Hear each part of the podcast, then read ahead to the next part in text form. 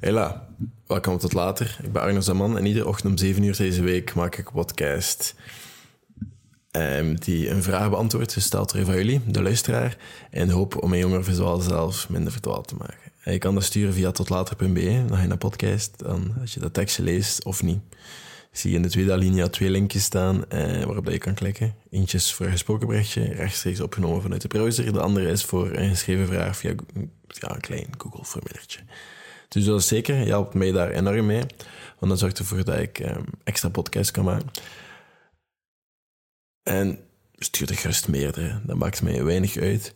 Maar mocht je geïnteresseerd zijn om te zien wat ik alle dagen uitsteek, kan je mij op Instagram volgen. Ik amuseer me de laatste tijd wel maar met het gebruik van dat platform. Um, dit omdat ik gewoon terug een beetje ben wie dat ik wil zijn en doe wat ik moet doen. Maar de vraag van vandaag gaat, een beetje over uh, sociale druk. Veel plaatsen om te zijn en een vrees om je alleen te voelen. Er is veel aan de hand in de voice die, allee, die gestuurd werd, maar we zullen gewoon even luisteren. Hey, dag Arno. Uh, ik ben Sarah van Eekhout, ik ben een student aan de UGent. En ik ben eigenlijk iemand die al redelijk lang naar jouw podcast luistert. Ik zou zeggen ongeveer anderhalf jaar. En ik heb een vraag voor jou. Eigenlijk heb ik in de zomer een keer een vraag gesteld, dus dit is eigenlijk mijn tweede. Maar ik zat ergens mee. Um, ik struggle de laatste tijd, dus sinds dat ik eigenlijk aan de UGent zit, uh, dat is nu al twee jaar, met sociale druk. En druk van mezelf. En wat bedoel ik daarmee? Um, ja, ik ben iemand die heel veel sport. Uh, dus ik pak ongeveer elke dag doe zeker iets van sport. Dat neemt tijd in. Ik studeer veel, want ik heb een zware richting. Dat neemt tijd in. Ik heb verschillende vriendengroepen, van middelbaar, van een, van een vereniging, van uh, de Giro. Dat neemt veel tijd in. Uh, ik heb mijn familie. Ik heb de dingen die ik aan mezelf wil denken. Dus allee, dat zijn allemaal verschillende dingen die heel veel tijd nemen. En ik weet dan een persoon... Ze hebben dan al gezegd tegen mij van... Ja, denk gewoon een keer aan jezelf en zet jezelf voorop. Maar dat is allemaal veel gemakkelijker gezegd dan, dan, gedaan, vind ik. Want vanaf dat je dan uit die sociale kring bent, voel je je dan alleen. En ja, je wilt altijd voor iedereen goed doen. En ik heb het er heel moeilijk mee om die balans te vinden. En ik vroeg me af of dat je misschien daar iets over kwijt kan. Hoe dat je die balans ja, het beste kan vinden. Nu, merci voor alles wat dat je doet. En uh, tot later. Oké, okay, even in de geluisterde audio, korte samenvatting. Er wordt gesproken over sociale druk, van zowel mensen in de omgeving als van zichzelf. En hierbij worden voorbeelden gegeven zoals druk vanuit de Giro, studentenvereniging en familie. Deze druk zorgt er dan een beetje voor dat ze vreest dat ze zich alleen voelt, buiten die sociale kringen om. En het vinden van een balans, dat is heel belangrijk. Maar hoe doe je dat best? Ja, hoe doe je dat best? Uh, dat is een concept waar ik het heel moeilijk mee heb. Ik durf wel eens praten over fysiek en mentaal wat sterker worden en leren zorgen voor jezelf. En ergens denk ik dat we sommige dingen doen waar ik niet zo helemaal akkoord mee ga. En toch is er zo een concept dat me soms wel een beetje irriteert en ik wel regelmatig hoor. En dat is, dat is het concept balans. En ik heb niks tegen balans. I'm all for it. Het wordt gewoon een beetje misbruikt. Zo is er een maat van mij die graag eens herhaalt dat ik moet leren rusten. Want balans hebben, dat is belangrijk. Vroeger betekende dat bijvoorbeeld als ik sport, ik werk en ik ben enkel daarmee bezig dan en dan kom ik thuis, spendeer ik wat tijd met mensen die ik belangrijk vind. Sport nog een beetje meer om met mijn fysiek te werken. Ik weet misschien nog een beetje tijd van mijn dag om iets bij te leren. En ik heb een zogezegd een welgebalanceerde dag. Hè. Ik spendeer dan nog een beetje aan goede voeding, hè, die toestand. En dat is waarschijnlijk iets heel gezond om te hebben. Nu, sommige zachte zieltjes. Ik spreek nu niet over dat lieve meisje dat mij een vraag stuurde, maar over al die mensen die dat gebruiken om zich achter dat woord te gaan schuilen, zodat ze niet moeten doen wat ze weten dat ze moeten doen, maar ze hebben er gewoon geen goesting in. Ik zie dit nu eigenlijk ook gewoon via mijn Instagram stories, nu dat ik wat meer trainingen online zet, en daar wordt de term balans gebruikt. En zoals ik zei, dat woord wordt een beetje misbruikt. Je hebt zogezegd recht op balans. En daardoor ga je wat afzwakken in het weekend, of niks doen, of balans gebruiken om niet naar je werk te gaan, of niet voldoende studeren, of als je thuis komt van je werk eigenlijk gewoon in de zetel te gaan hangen en Netflix te kijken. Maar je gaat er allemaal gewoon het woord balans voor gebruiken. Gewoon omdat je de extra werk niet wil doen. Zodat je eigenlijk gewoon altijd net genoeg doet en gewoon voor de rest van je leven zo kan blijven. Als je dat wilt, is dat oké. Maar gebruik het woord balans daar niet voor. Gebruik het op een manier waarvoor je bijvoorbeeld zegt van... Ik wil van sommige dingen kunnen genieten. Oké, dat mag. Ik wil mezelf belonen. Bijvoorbeeld op reis gaan, een jaar hard trainen en werken om jezelf een beloning te geven. Waarom niet? In die zin is balans voor mij heel mooi.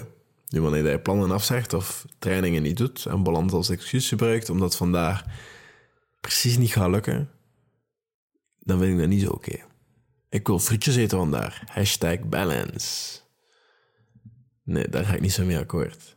Toch niet op die manier. Frietjes zijn lekker hè? en ik weet nu al de first stop dat ik ga maken naar de marathon dat, marathon dat ik ben een paar weken loop. Dat gaat de frituur om de hoek zijn. Maar de volgende dag ga ik waarschijnlijk gewoon teruglopen. Nu, Sarah in kwestie zoekt een beetje balans door alles te doen. Nu, om te antwoorden op, op, op die vraag, denk ik dat je van mij een beetje het onmogelijke vraagt. Je staat in een snoepwinkel en je wilt van alle snoepjes proeven, maar je bent bang omdat je er uiteindelijk dik van gaat worden. Daar komt het een beetje op neer, denk ik. Je kan niet alles hebben. En volgens mij verwacht ook niemand van jouw Giro of studentenvereniging of familie dat je er altijd bij bent. En als dat wel zo is, is dat misschien omdat je de verkeerde signalen heeft en omdat, zoals hij zegt, precies moeilijkheid hebt met nee te zijn. Omdat je denkt dat je uiteindelijk eenzaam mag voelen. Kiezen is verliezen. Dat is een feit. En ik ging ook een tijdje ieder weekend naar ieder feestje met mijn maten en iedere gelegenheid gewoon omdat ze het vroegen. Al was het maar gewoon om uiteindelijk te chillen en niet veel nuttigs te doen. Ik denk, moest ik uiteindelijk dat blijven doen, ik niet ging zijn wat ik nu was, ik niet in zo'n conditie was als dat ik nu ben, mij niet zo goed in mijn lijf zou voelen als ik mij nu voel. En ik ging waarschijnlijk ook zeker niet de job doen dat ik nu heb. Want ik ging er één de tijd niet voor hebben. Ik ging waarschijnlijk nog niet, nog altijd niet afgestudeerd zijn. En de tijd niet hebben om zoveel bij te leren en hard te werken. En ik ging waarschijnlijk nog minder podcast en content uitgebracht hebben. En mijn vriendin nu, ik weet niet of dat, dat gebeurd zou zijn. Dus ik denk dat dat een keuze is die je zelf moet maken. Wil je die balans? Of wil je de tijd beter gebruiken en kiezen voor die big events? En daar aanwezig zijn, zoals een verjaardag of een trouw. Of een maat die iets te vieren heeft en dan ga je samen gaan klimmen, surfen of snowboarden of iets leuk doen, wat je uiteindelijk wel allebei heel veel uithaalt. Of je zegt op alles ja, dat is ook goed, maar dan moet je niet uiteindelijk gaan klagen over balans dat je niet hebt, want dan kies je ervoor. Ik denk gewoon dat je moet leren selectiever zijn met events en de tijd waarmee je erom gaat.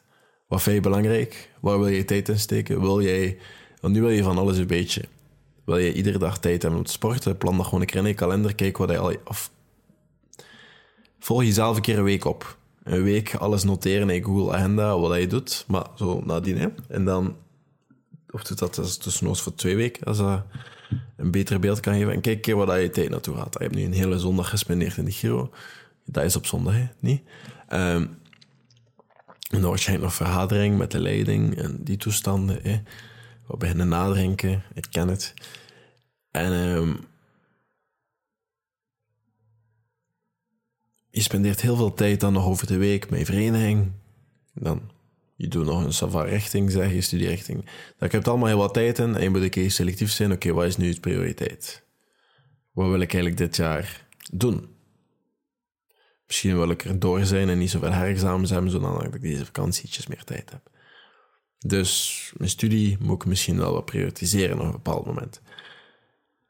Wat dat zeggen dat ik niet alle keren kan zijn op, uh, op die events s'avonds. Want misschien wil ik nog wat gaan sporten om mijn hoofd leeg te maken. Maar gewoon een keer twee weken bekijken waar je tijd naartoe gaat. En daar dan een objectieve kijk op gaan hebben van wat is nu belangrijk voor mij en wat niet. En waar moet ik wat selectiever mee zijn. En geloof me, je gaat niet zoveel missen, denk ik.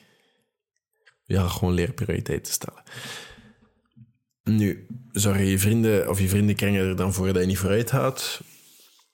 Dat brengt me naar het volgende puntje. Waarom luisteren naar vrienden? Vrienden die bijvoorbeeld niet geloven in wat je wilt doen, of je niet steunen, bla bla bla. Soms is dat ook gewoon logisch, hè? Want je hebt nog niet voldoende het werk erin gestoken of consistent geweest om mensen te doen geloven in jou. Jij hebt bepaalde grote dromen, bijvoorbeeld, en je gaat het dan delen met je vrienden en die zeggen, ja, ik zie dat niet gebeuren. Ja, waarom, zou dat, waarom zou dat niet gebeuren? Je hebt nog niet genoeg bewezen aan die mensen dat je zulke dingen kan verwezenlijken. Dus dat is logisch. Nu, sommige maten doen al jaren exact hetzelfde.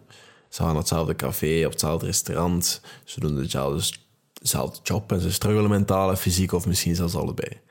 Je kent die mensen soms al heel lang en je gelooft dat iedereen je vriend is en dat zij het beste voor jou willen. Maar misschien willen die mensen gewoon helemaal andere dingen dan jou. En die mensen gaan ook wel wat, wat dingen doen. Soms verschilt dat gewoon een beetje te veel van wat hij wilt of gaat doen.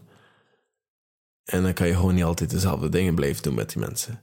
Of toch niet voor jaren een stuk. Maar ik versta dat mensen voor eenzaamheid vrezen. Ik snap dat. Maar uiteindelijk, als je al die dingen doet, dat ik ooit wel tegen een podcast heb gezegd, komen er wel mensen op je pad. Nieuwe mensen zul je wel vinden en gedraag je ook zoals dat je zelf wilt dat mensen zich zouden gedragen tegenover jou. Tegen mij moet je bijvoorbeeld niet zeggen dat je wilt leren zwemmen, omdat je nog nooit geleerd hebt, omdat je bijvoorbeeld uit een ander land komt. Uh, want ik ga jou inschrijven voor lessen. En jou uitdagen op jouw woord. Dit is, dit is trouwens een echt voorbeeld. Je moet ook niet voorstellen om een marathon te gaan lopen tegen mij voor een bepaalde tijd, want ik ga jou inschrijven en ik ga meelopen als nodig is. Ik wil dat mensen mee pushen en vooruit helpen, dus tenminste wat ik kan doen is hetzelfde veranderen. Als ik mensen zie moeite doen of effort steken in iets wat zij belangrijk vinden en iets dat hun vooruit helpt in een positieve zin, ga je mij wel zien op een of andere manier supporten, al is dat al dan niet subtiel. Dus allee, als ik tip kan geven, wees die maat dat je een ander wilt. Maar je hoeft ook niet overal aanwezig te zijn voor ieder moment en altijd hetzelfde. Allee, we hebben allemaal maar zoveel tijd op een dag. Je moet er echt gewoon een beter in leren selecteren. Dat is, anders is dat gewoon veel te intensief. Eén, voor jezelf. Twee, voor andere mensen die ook jouw tijd vragen of zullen vragen in de toekomst. Of andere projecten. Of dingen dat je misschien wel gaat verwezenlijken tijd vragen en dat je dan opgeeft aan iets dat je misschien niet zo belangrijk vindt, gewoon omdat je nee kan zeggen. En ik denk dat dat wel iets eh, belangrijk is om te leren. Nu, dat was het voor vandaag. Bedankt voor het luisteren naar deze aflevering. En naar al dan niet deze korte afleveringen eh, van tot later. Ik hoop dat je iets hebt kunnen halen. En als dat heeft geholpen om je wat meer richting te geven uh, in het proces van prioriteiten stellen. Deel dat dan met iemand die dat misschien ook wel kan gebruiken. Deel dat met iemand die misschien ietsjes te veel ja zegt. En misschien ietsjes te veel moeite heeft met te prioritiseren. Vergeet zeker je vragen in te sturen via totlater.be. En volg me op Instagram eh, op @ardizaman om op de hoogte te blijven wat ik allemaal uitspook. Tot later.